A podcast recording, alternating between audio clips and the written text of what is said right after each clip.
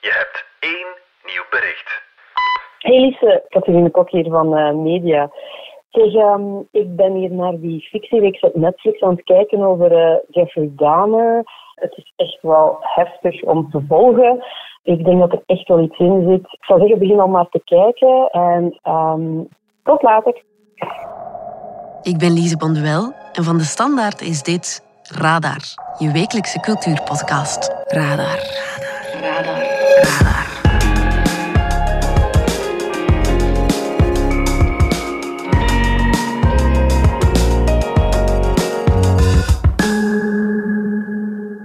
Er bijna niet naast kijken. Jeffrey Dahmer, de seriemoordenaar die in de jaren 80 en 90 17 jonge mannen vermoordde, is tegenwoordig overal op Netflix. Er loopt niet alleen een fictiereeks, maar ook een docu-reeks. En ik weet niet of je al hebt durven kijken, maar om je een idee te geven van hoe gruwelijk die Jeffrey Dahmer is. As my obsession grew, I was saving body parts such as uh, skulls and uh, skeletons.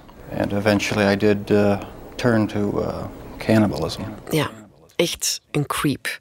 En toch brak die reeks het streamingrecord. En ook de docu-reeks over hem is zelfs de tweede meest bekeken serie van het moment. Waarom zijn wij zo gek van true crime? Waarom blijven wij aan dat scherm gekluisterd? Ondanks het feit, ik weet niet hoe het bij jou zit, maar dat het onze maag doet keren. Daar heeft onze cultuur- en mediaredactrice Katrien de Kok alle antwoorden op. Welkom bij Radar. Radar. Radar. Radar. Radar.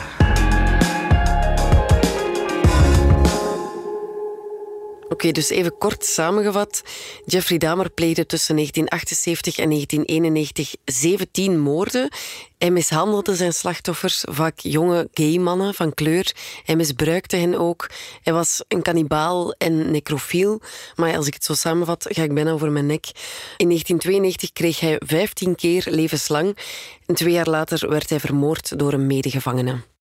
Dag Katrien. Er zijn momenteel twee nieuwe series over seriemoordenaar Jeffrey Dahmer op Netflix. Waar gaan ze over? Wel, je hebt enerzijds een fictiereeks in tien delen. Dat is Dahmer Monster, de Jeffrey Dahmer story. Ze kunnen niet genoeg uh, Dahmer vermelden in de titel. En dat is dus een reeks over de moorden van Jeffrey Dahmer. Fictie, maar dus gebaseerd op wat die man allemaal heeft uitgestoken. Ja, gruwelijke feiten. Ja, absoluut. What do you do in there? Power tools going all hours of the night? I hear screaming coming from your apartment. En dan vorige week vrijdag is er dan een docureeks ook over Dahmer op Netflix gedropt. En dat is dan Conversations with a Killer, de Jeffrey Dahmer tapes. Waarin Dahmer dus zelf vertelt over zijn moorden. He said, yes, this is how I killed, and this was why. I just wanted to keep him. I guess that's the best way to describe it. Ze hebben tapes kunnen te pakken krijgen van zijn advocaten toen die hem verdedigd heeft, die maandenlang met hem gepraat heeft in de gevangenis in afwachting van zijn proces. I get this call from my boss. He said, I need you to see Jeffrey Dahmer. It's my first job. I felt like Clarice Starling in Silence of the Lambs. En die tapes die worden dus vrijgegeven in die docureeks. En daar hoor je dus Dahmer heel uitgebreid vertellen over de gruwelijke feiten uh, die hij heeft gepleegd. Ja, en dat is wel creepy om zijn stem te ja. horen ook. Hè? En wat ook opvalt is hoe goed Evan Peters, die dus Dahmer speelt in de fictiereeks, hoe goed hij zijn stem, de echte stem van Dahmer, uh, ook kan nabootsen. Creepy, ja. Was The Exorcist 3. I watch it every day. En ze zijn ook super populair. Ja, ja. Dus de docureeks werd vorige week gelost en die stond meteen op twee in de Netflix top 10. En op één staat nog altijd, al een hele tijd, dus die fictiereeks over Dahmer, die is ongelooflijk populair. En wat vond jij ervan? Ja, ik moet zeggen, ik zit met een dubbel gevoel, omdat de fictiereeks, dus de makers ervan, die beweren dat ze het verhaal van de slachtoffers ook van Dahmer zouden belichten. Maar um, zeker de eerste helft van die fictiereeks gaat vooral over Dahmer zelf en hoe is in godsnaam zo'n monster kunnen worden. Ja, ze tonen echt de, de mens achter ja, Dahmer. Ja, ja, ja, er zijn veel scènes met zijn ouders. Just get out of the house! Get the fuck out! Ze laten hem zien hoe hij gepest werd, hoe eenzaam hij zich voelde. He's weird. Kevin, you need to be nice to that boy. I think there's some trouble at home. He could probably use a friend. De verlatingsangst die hij had. De slachtoffers ja, die komen eigenlijk alleen maar zijdelings aan bod. Maar in het, laten we zeggen, vanaf de zesde aflevering, er is ook die aflevering ook, draait ook helemaal rond een uh, slachtoffer van Dahmer, Tony Hughes, een doofstomme Ja. uh, zwarte man die door Dahmer vermoord werd. Do you know the last place he went? He said he was going to see a movie By himself? with a friend, I think. What's the friend's name? I didn't ask. Was it a lady friend? I don't think so. My son, he's deaf. En dat is ook meteen de beste aflevering, denk ik, van die reeks. In de docu-reeks houden ze zich echt aan de feiten, aan wat er echt gebeurd is. En dan ga je natuurlijk ook ontdekken dat er in de fictiereeks ook wel wat verzonnen werd. Daarvoor kijk je ook naar die docu-reeks om natuurlijk te weten van... Ja, is dit nu echt Wat nu gebeurd? Heeft hij nu echt gaten gemaakt in de schedels van zijn slachtoffers en daar zuur in gegoten? En? Ja, dat, dat heeft hij wel degelijk gedaan. Maar je ziet wel dat, dat de makers, ja, dat de makers van de, van de fictiereeks zich ook wel een aantal vrijheden permitteren. Zo is er een scène, hè, op een bepaald moment heeft Dahmer een jonge man vermoord in een hotelkamer. Maar in de fictiereeks eh, zie je dan op een bepaald moment een scène. Hij houdt het hoofd bij van, van die man en zie je dan een scène waar hij die eh, bijna hoe, cynisch en, en, gruwelijk dat ook is, bijna liefdevol in een eh, doos steekt, in een houten doos. En dan, voordat hij die wegstopt, dat hoofd, geeft hij daar een tedere kus aan. Maar dat is natuurlijk... Ik kan mij inbeelden voor, voor de nabestaanden van die man. eh, is, is dat echt gebeurd?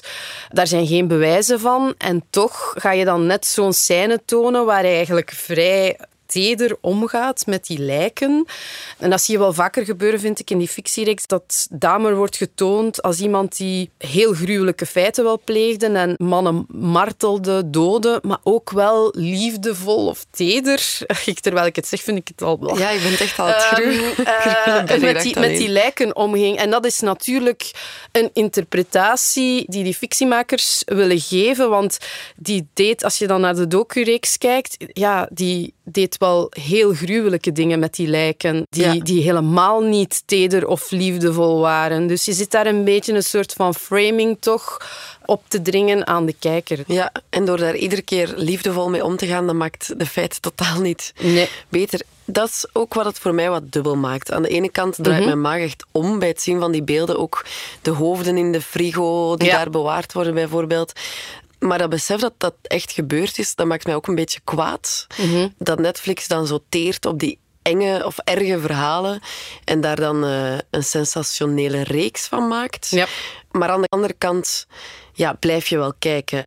Ja, het is natuurlijk... De fictiereeks is goed gemaakt. Hè. De man achter de fictiereeks is Ryan Murphy. Dat is echt een superproducer. Die heeft hele grote reeksen gemaakt, zoals Glee... Pose, Ratchet, The Politician, de Andy Warhol Diaries ook. Dus dat is echt een hele grote naam. Nu, wat je zou verwachten, is dat er na die fictiereeks heel veel afkeer leeft tegenover Jeffrey Dahmer.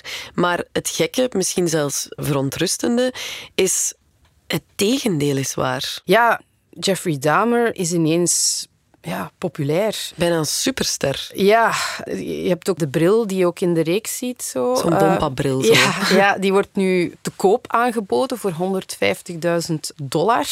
Er is ook een TikTok-challenge waarbij mensen zichzelf filmen terwijl ze naar foto's van zijn slachtoffers kijken. Dus, want Dahmer die maakte ook Polaroids van zijn slachtoffers. En die staan online. Ja, blijkbaar. Maar dus mensen doen dat dan, kijken daarnaar en dan ja, de weerzin die dan op hun gezichten staat af te lezen, ja, dat filmen ze dan. En eh, ja, dat is natuurlijk ongelooflijk vies om te doen. Ja, en ook respectloos hè, tegenover Mhm. al die slachtoffers Mhm. en hun familie. En het enorme succes doet een beetje denken aan die andere serie die gebaseerd is op waar gebeurde feiten. Hè? Tiger King. It's not every day that a zookeeper went to prison for murder for hire. Captive tigers in the U.S. than there are in the wild throughout the world. Ja, juist. Dat uh, was die reeks over Joe Exotic, een eigenaar van een dierentuin, die dus in de cel is beland voor een moordpoging op een dierenrechtenactiviste, Carol Baskin. We will end the private possession of these cats. This is my way of living, and nobody's going to tell me any otherwise. Die reeks was een ongelofelijke hit tijdens de coronacrisis. Ja. Iedereen uh, smulde ervan. Nu, Tiger King is echt een true crime reeks. En ja, we hebben heel veel true crime reeksen gezien de laatste jaren op Netflix en andere streamingdiensten.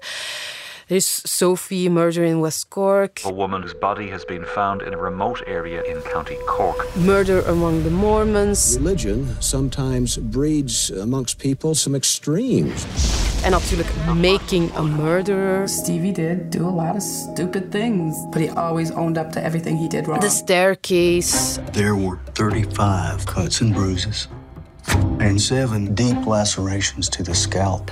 The Puppet Master. Dat zijn er dan... bijna te veel om op te noemen. Ja, want dat moeten we misschien toch nog wel even duidelijk zeggen. Eigenlijk die fictiereeks over Dahmer is strikt genomen geen true crime. True crime is non-fictie over een waar gebeurd misdaadverhaal. Dus de docureeks over Dahmer is wel degelijk true crime, maar eigenlijk strikt genomen is de fictiereeks dat niet. Nu, je ziet wel dat de laatste jaren zo de definitie van true crime wel veel breder opengetrokken wordt.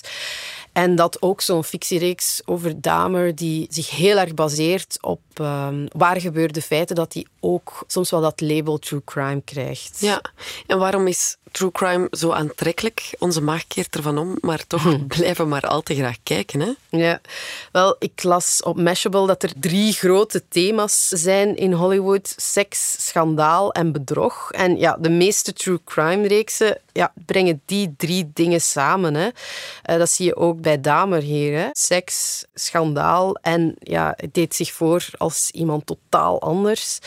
Um, vaak gaat het ook om gruwelijke feiten. Ja. Met uh, soms uh, heel veel gore details over uh, moord en misdaad.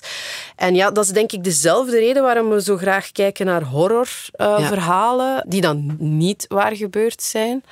Daar um, smullen we van. Ja, Joost Vries heeft er een heel interessant essay ook over geschreven, over de aantrekkingskracht van true crime. En um, hij had ook een aantal verklaringen opgelijst. En een van die verklaringen is ook dat je dankzij true crime geweld en angst in een veilige omgeving eigenlijk kunt ervaren. En dat vinden we dan fijn? Ja, want we kunnen eigenlijk oefenen in het bang zijn. En uh, als we dus naar iets kijken dat ons angst aanjaagt, wat zeker het geval is als je naar zo'n creep als Dahmer kijkt, ja, dan krijg je dus een soort van beloning in je hersenen als je je angst overwint door die reeks of door die film uit te kijken. Dus het is eigenlijk een veilige manier om angst te beleven. Hè. En natuurlijk, ja, sowieso criminelen, die fascineren mensen. Hè. En seriemoordenaars al helemaal. Ja, we willen eigenlijk weten van hoe is zo iemand een mens een monster geworden. In het geval van seriemoordenaars, omdat die zo onbegrijpelijk, zo, zomaar lijken toe te slaan ook. Het is anders dan bij een passiemoord, waarbij er een duidelijke motivatie is. Mm -hmm. Lijken seriemoordenaars maar in het wilde weg mensen te vermoorden. En we willen daar controle over, we willen dat begrijpen. En vaak zie je ook in die verhalen die over seriemoordenaars gemaakt zijn, ja, de seriemoordenaar staat centraal. Hè? Mm -hmm. Nu, meer reeksen over seriemoordenaars en criminelen roepen vaak heftige reacties op. Dat is nu niet anders. Hoe komt dat eigenlijk? Want wat is het probleem met true crime? Ja, je zit daar met heel wat ethische vragen. Je ziet ook altijd het gevaar van sensatiezucht. Eerst en vooral is er al het probleem als je een reeks maakt over waar gebeurde misdaad. Ja, hoe ga je om met die feiten? En zeker als je dan fictie maakt, ja, heb je dan het recht om dingen echt te gaan verzinnen? In hoeverre mag je dan afwijken van wat er echt gebeurd is?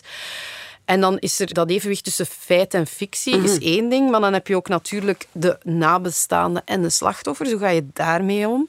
Ga je hem betrekken bij de reeks? Hoeveel details ga je vrijgeven over die misdaden? Want, ja, en dat is wat de nabestaanden van Damer ook zeggen, ja, wij worden opnieuw getraumatiseerd ja. door dit opnieuw te vertellen. Slachtofferhulp Nederland trouwens heeft zelfs vorige week laten weten dat ze eigenlijk willen dat Netflix de fictiereeks helemaal uh, schrapt. schrapt ja. Net omdat ze vinden dat die slachtoffers en die nabestaanden opnieuw ja, getraumatiseerd worden. En je zit dus met het probleem dat tv-makers dan het verwijt krijgen dat ze echte pijn, hè, echte pijn, trauma, eigenlijk gebruiken om er entertainment van te maken, om te verkopen eigenlijk. Hè. Dat is ook wel wat mij dwars had, terwijl ik er naar keek van, ik ben hier aan het kijken naar iets uh, wat, uh, ja, wat ergens wel werkt en mm-hmm. blijf wel kijken, maar ja, dit is wel echt gebeurd. Ja, ja. Inderdaad. En zeker als je zit met misdaden die nog niet zo heel lang gebeurd zijn. Damer is begin jaren negentig opgepakt. Ik werd toen geboren. Ja. zo lang in zit inderdaad ik was niet toen al, Ik zat toen al in de lagere school. Enfin, maar ik, die, die, zaak is toen ook helemaal aan mij voorbij gegaan, mm-hmm. daar niet van. Maar... Um, er zijn nog heel wat mensen die nog heel goed weten wat er toen gebeurd is, die buren waren, die familie zijn van die slachtoffers.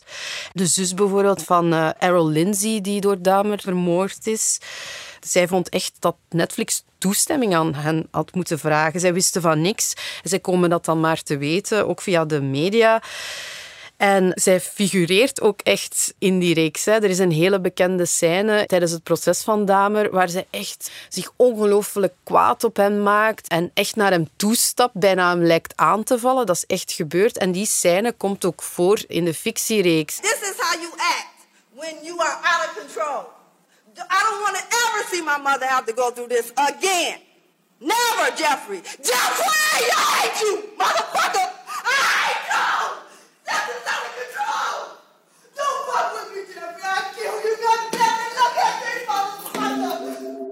This is how you act when you are out of control! Now, I don't want to ever have to see my mother go through this again! Never, Jeffrey! Jeffrey! I hate you! Motherfucker! I hate you! This is out of control! Don't fuck with me, Jeffrey! I'll kill you, goddammit! Look at me! En dus ja, zij kijkt dan naar zichzelf, naar een gefictionaliseerde ja. versie van zichzelf. Zij heeft daar gewoon helemaal geen zin meer in om dat proces te herbeleven, om die pijn te herbeleven, om nog eens dat trouwproces opnieuw op te raken. En je kunt zeggen, ja, ze hoeft daar niet naar te kijken. Ik denk ook niet dat ze naar die reeks kijkt, mm-hmm. maar ze wordt er wel aan herinnerd. Ja. En mensen spreken haar er opnieuw over aan. Er verschijnen weer stukken over. En zeker in het geval van zo'n populaire reeks, ja, je kan er niet aan ontkomen, hè, aan Damer ja. deze dagen. Ja, en nu gaan we er even uit voor een kleine boodschap. Radar. Radar. Radar. Wil jij je passie omzetten in Lego-stenen? En wil je iets verwezenlijken? Met je eigen handen. Het plan uitvoeren, blad na blad, stap voor stap. Super gefocust. Je bent in het moment. En je ziet het voor je ogen groeien. Lego bouwplezier. Dat is toch het schoonste wat er is. Wil jij ook je passie omzetten in Lego plezier? Zoek dan snel op Lego sets voor volwassenen. Radar. Radar. Radar. Het feit dat de makers de slachtoffers niks hebben laten weten, doet er weinig goed aan natuurlijk. Ze zeggen zelf dat ze geen reclamecampagne hebben gedaan uit respect voor de slachtoffers. Ja, dat is toch een beetje makkelijk om dat te zeggen. Ik denk dat Netflix zich op die manier heeft proberen in te dekken ja. op voorkritiek. De slachtoffers komen zeker wel aan bod, meer in het tweede deel van de fictiereeks. Maar in het eerste deel draait het helemaal rond Damer en worden er verklaringen aangereikt voor zijn gedrag of doen ze toch een poging. Dus hij staat centraal en zijn misdaden zijn centraal en de slachtoffers zelf, dat is dat zijn bijna passanten in die reeks.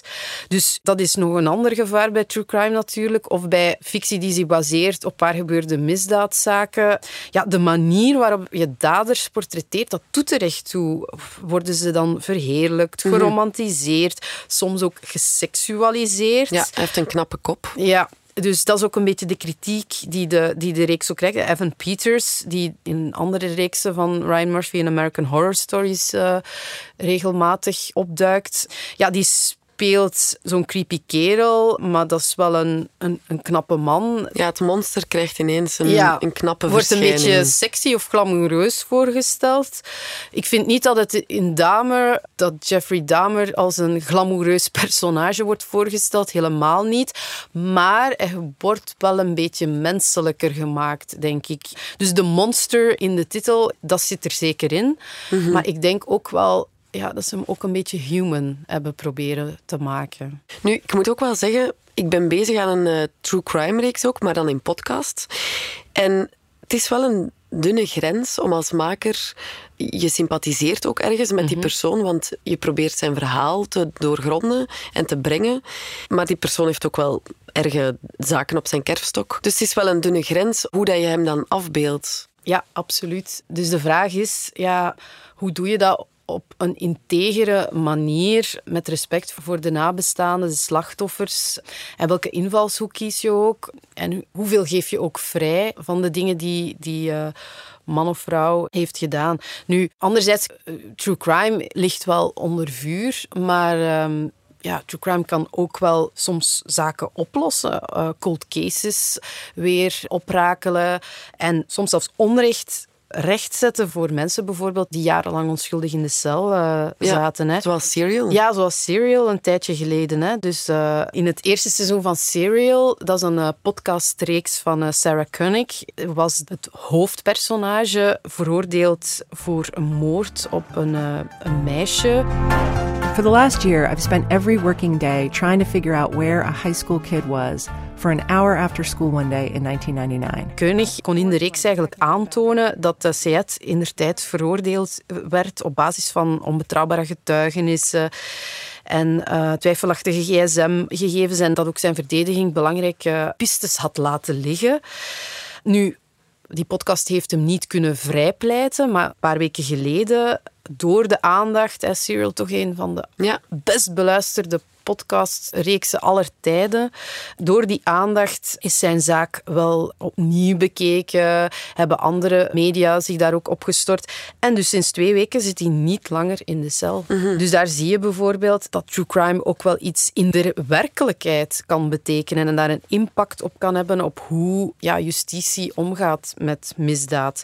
En het omgekeerde gebeurt ook hoor. In augustus, nog van dit jaar, is er een eh, voormalige leerkracht, Chris Dawson, dankzij een Australische podcast, Teacher's Pets, veroordeeld voor de moord op zijn vrouw, die in 1982 spoorloos verdwenen is. En dus die True Crime podcast die kon bewijzen dat Dawson zijn vrouw eigenlijk uit de weg wou ruimen omdat hij een affaire had met een 17-jarige leerlinge. En een paar maanden later werd Dawson aangeklaagd voor moord. Ehm, dus je ziet, true crime reeksen die kunnen echt wel doorbraken ook forceren. Dus leven true crime, toch wel? Leven goed gemaakte true crime. Als je de reeks over Dahmer wilt zien, ze zijn te vinden op Netflix. Katrien, dankjewel. Graag gedaan. En ik heb hier nog een extra cultuurtip voor jou. Radar. De tip komt deze week van... Inge Schelstraten, cultuurredacteur van De Standaard. Wat is jouw tip? Twee fijne expos over Egypte. En waarom? Alexandrië Vervlogen Toekomst in Beaux-Arts vertelt met archeologische vondsten en hedendaagse kunst hoe zelfs een mythische stad als Alexandrië 2000 jaar geleden net dezelfde problemen heeft als steden vandaag de dag. En Egypte Eeuwige Passie in het Koninklijk Museum in Mariemont is stof om kinderen naartoe te nemen. Er staan comics, filmdecors, speelgoed tussen de sarcofagen en de oude beelden van goden. Je kunt bijvoorbeeld met een game door de oude stad of in een piramide lopen. De tentoonstelling in Beaux-Arts loopt tot 8 januari en die in Mariemont tot 16 april. Bedankt voor jouw bijdrage. Radar.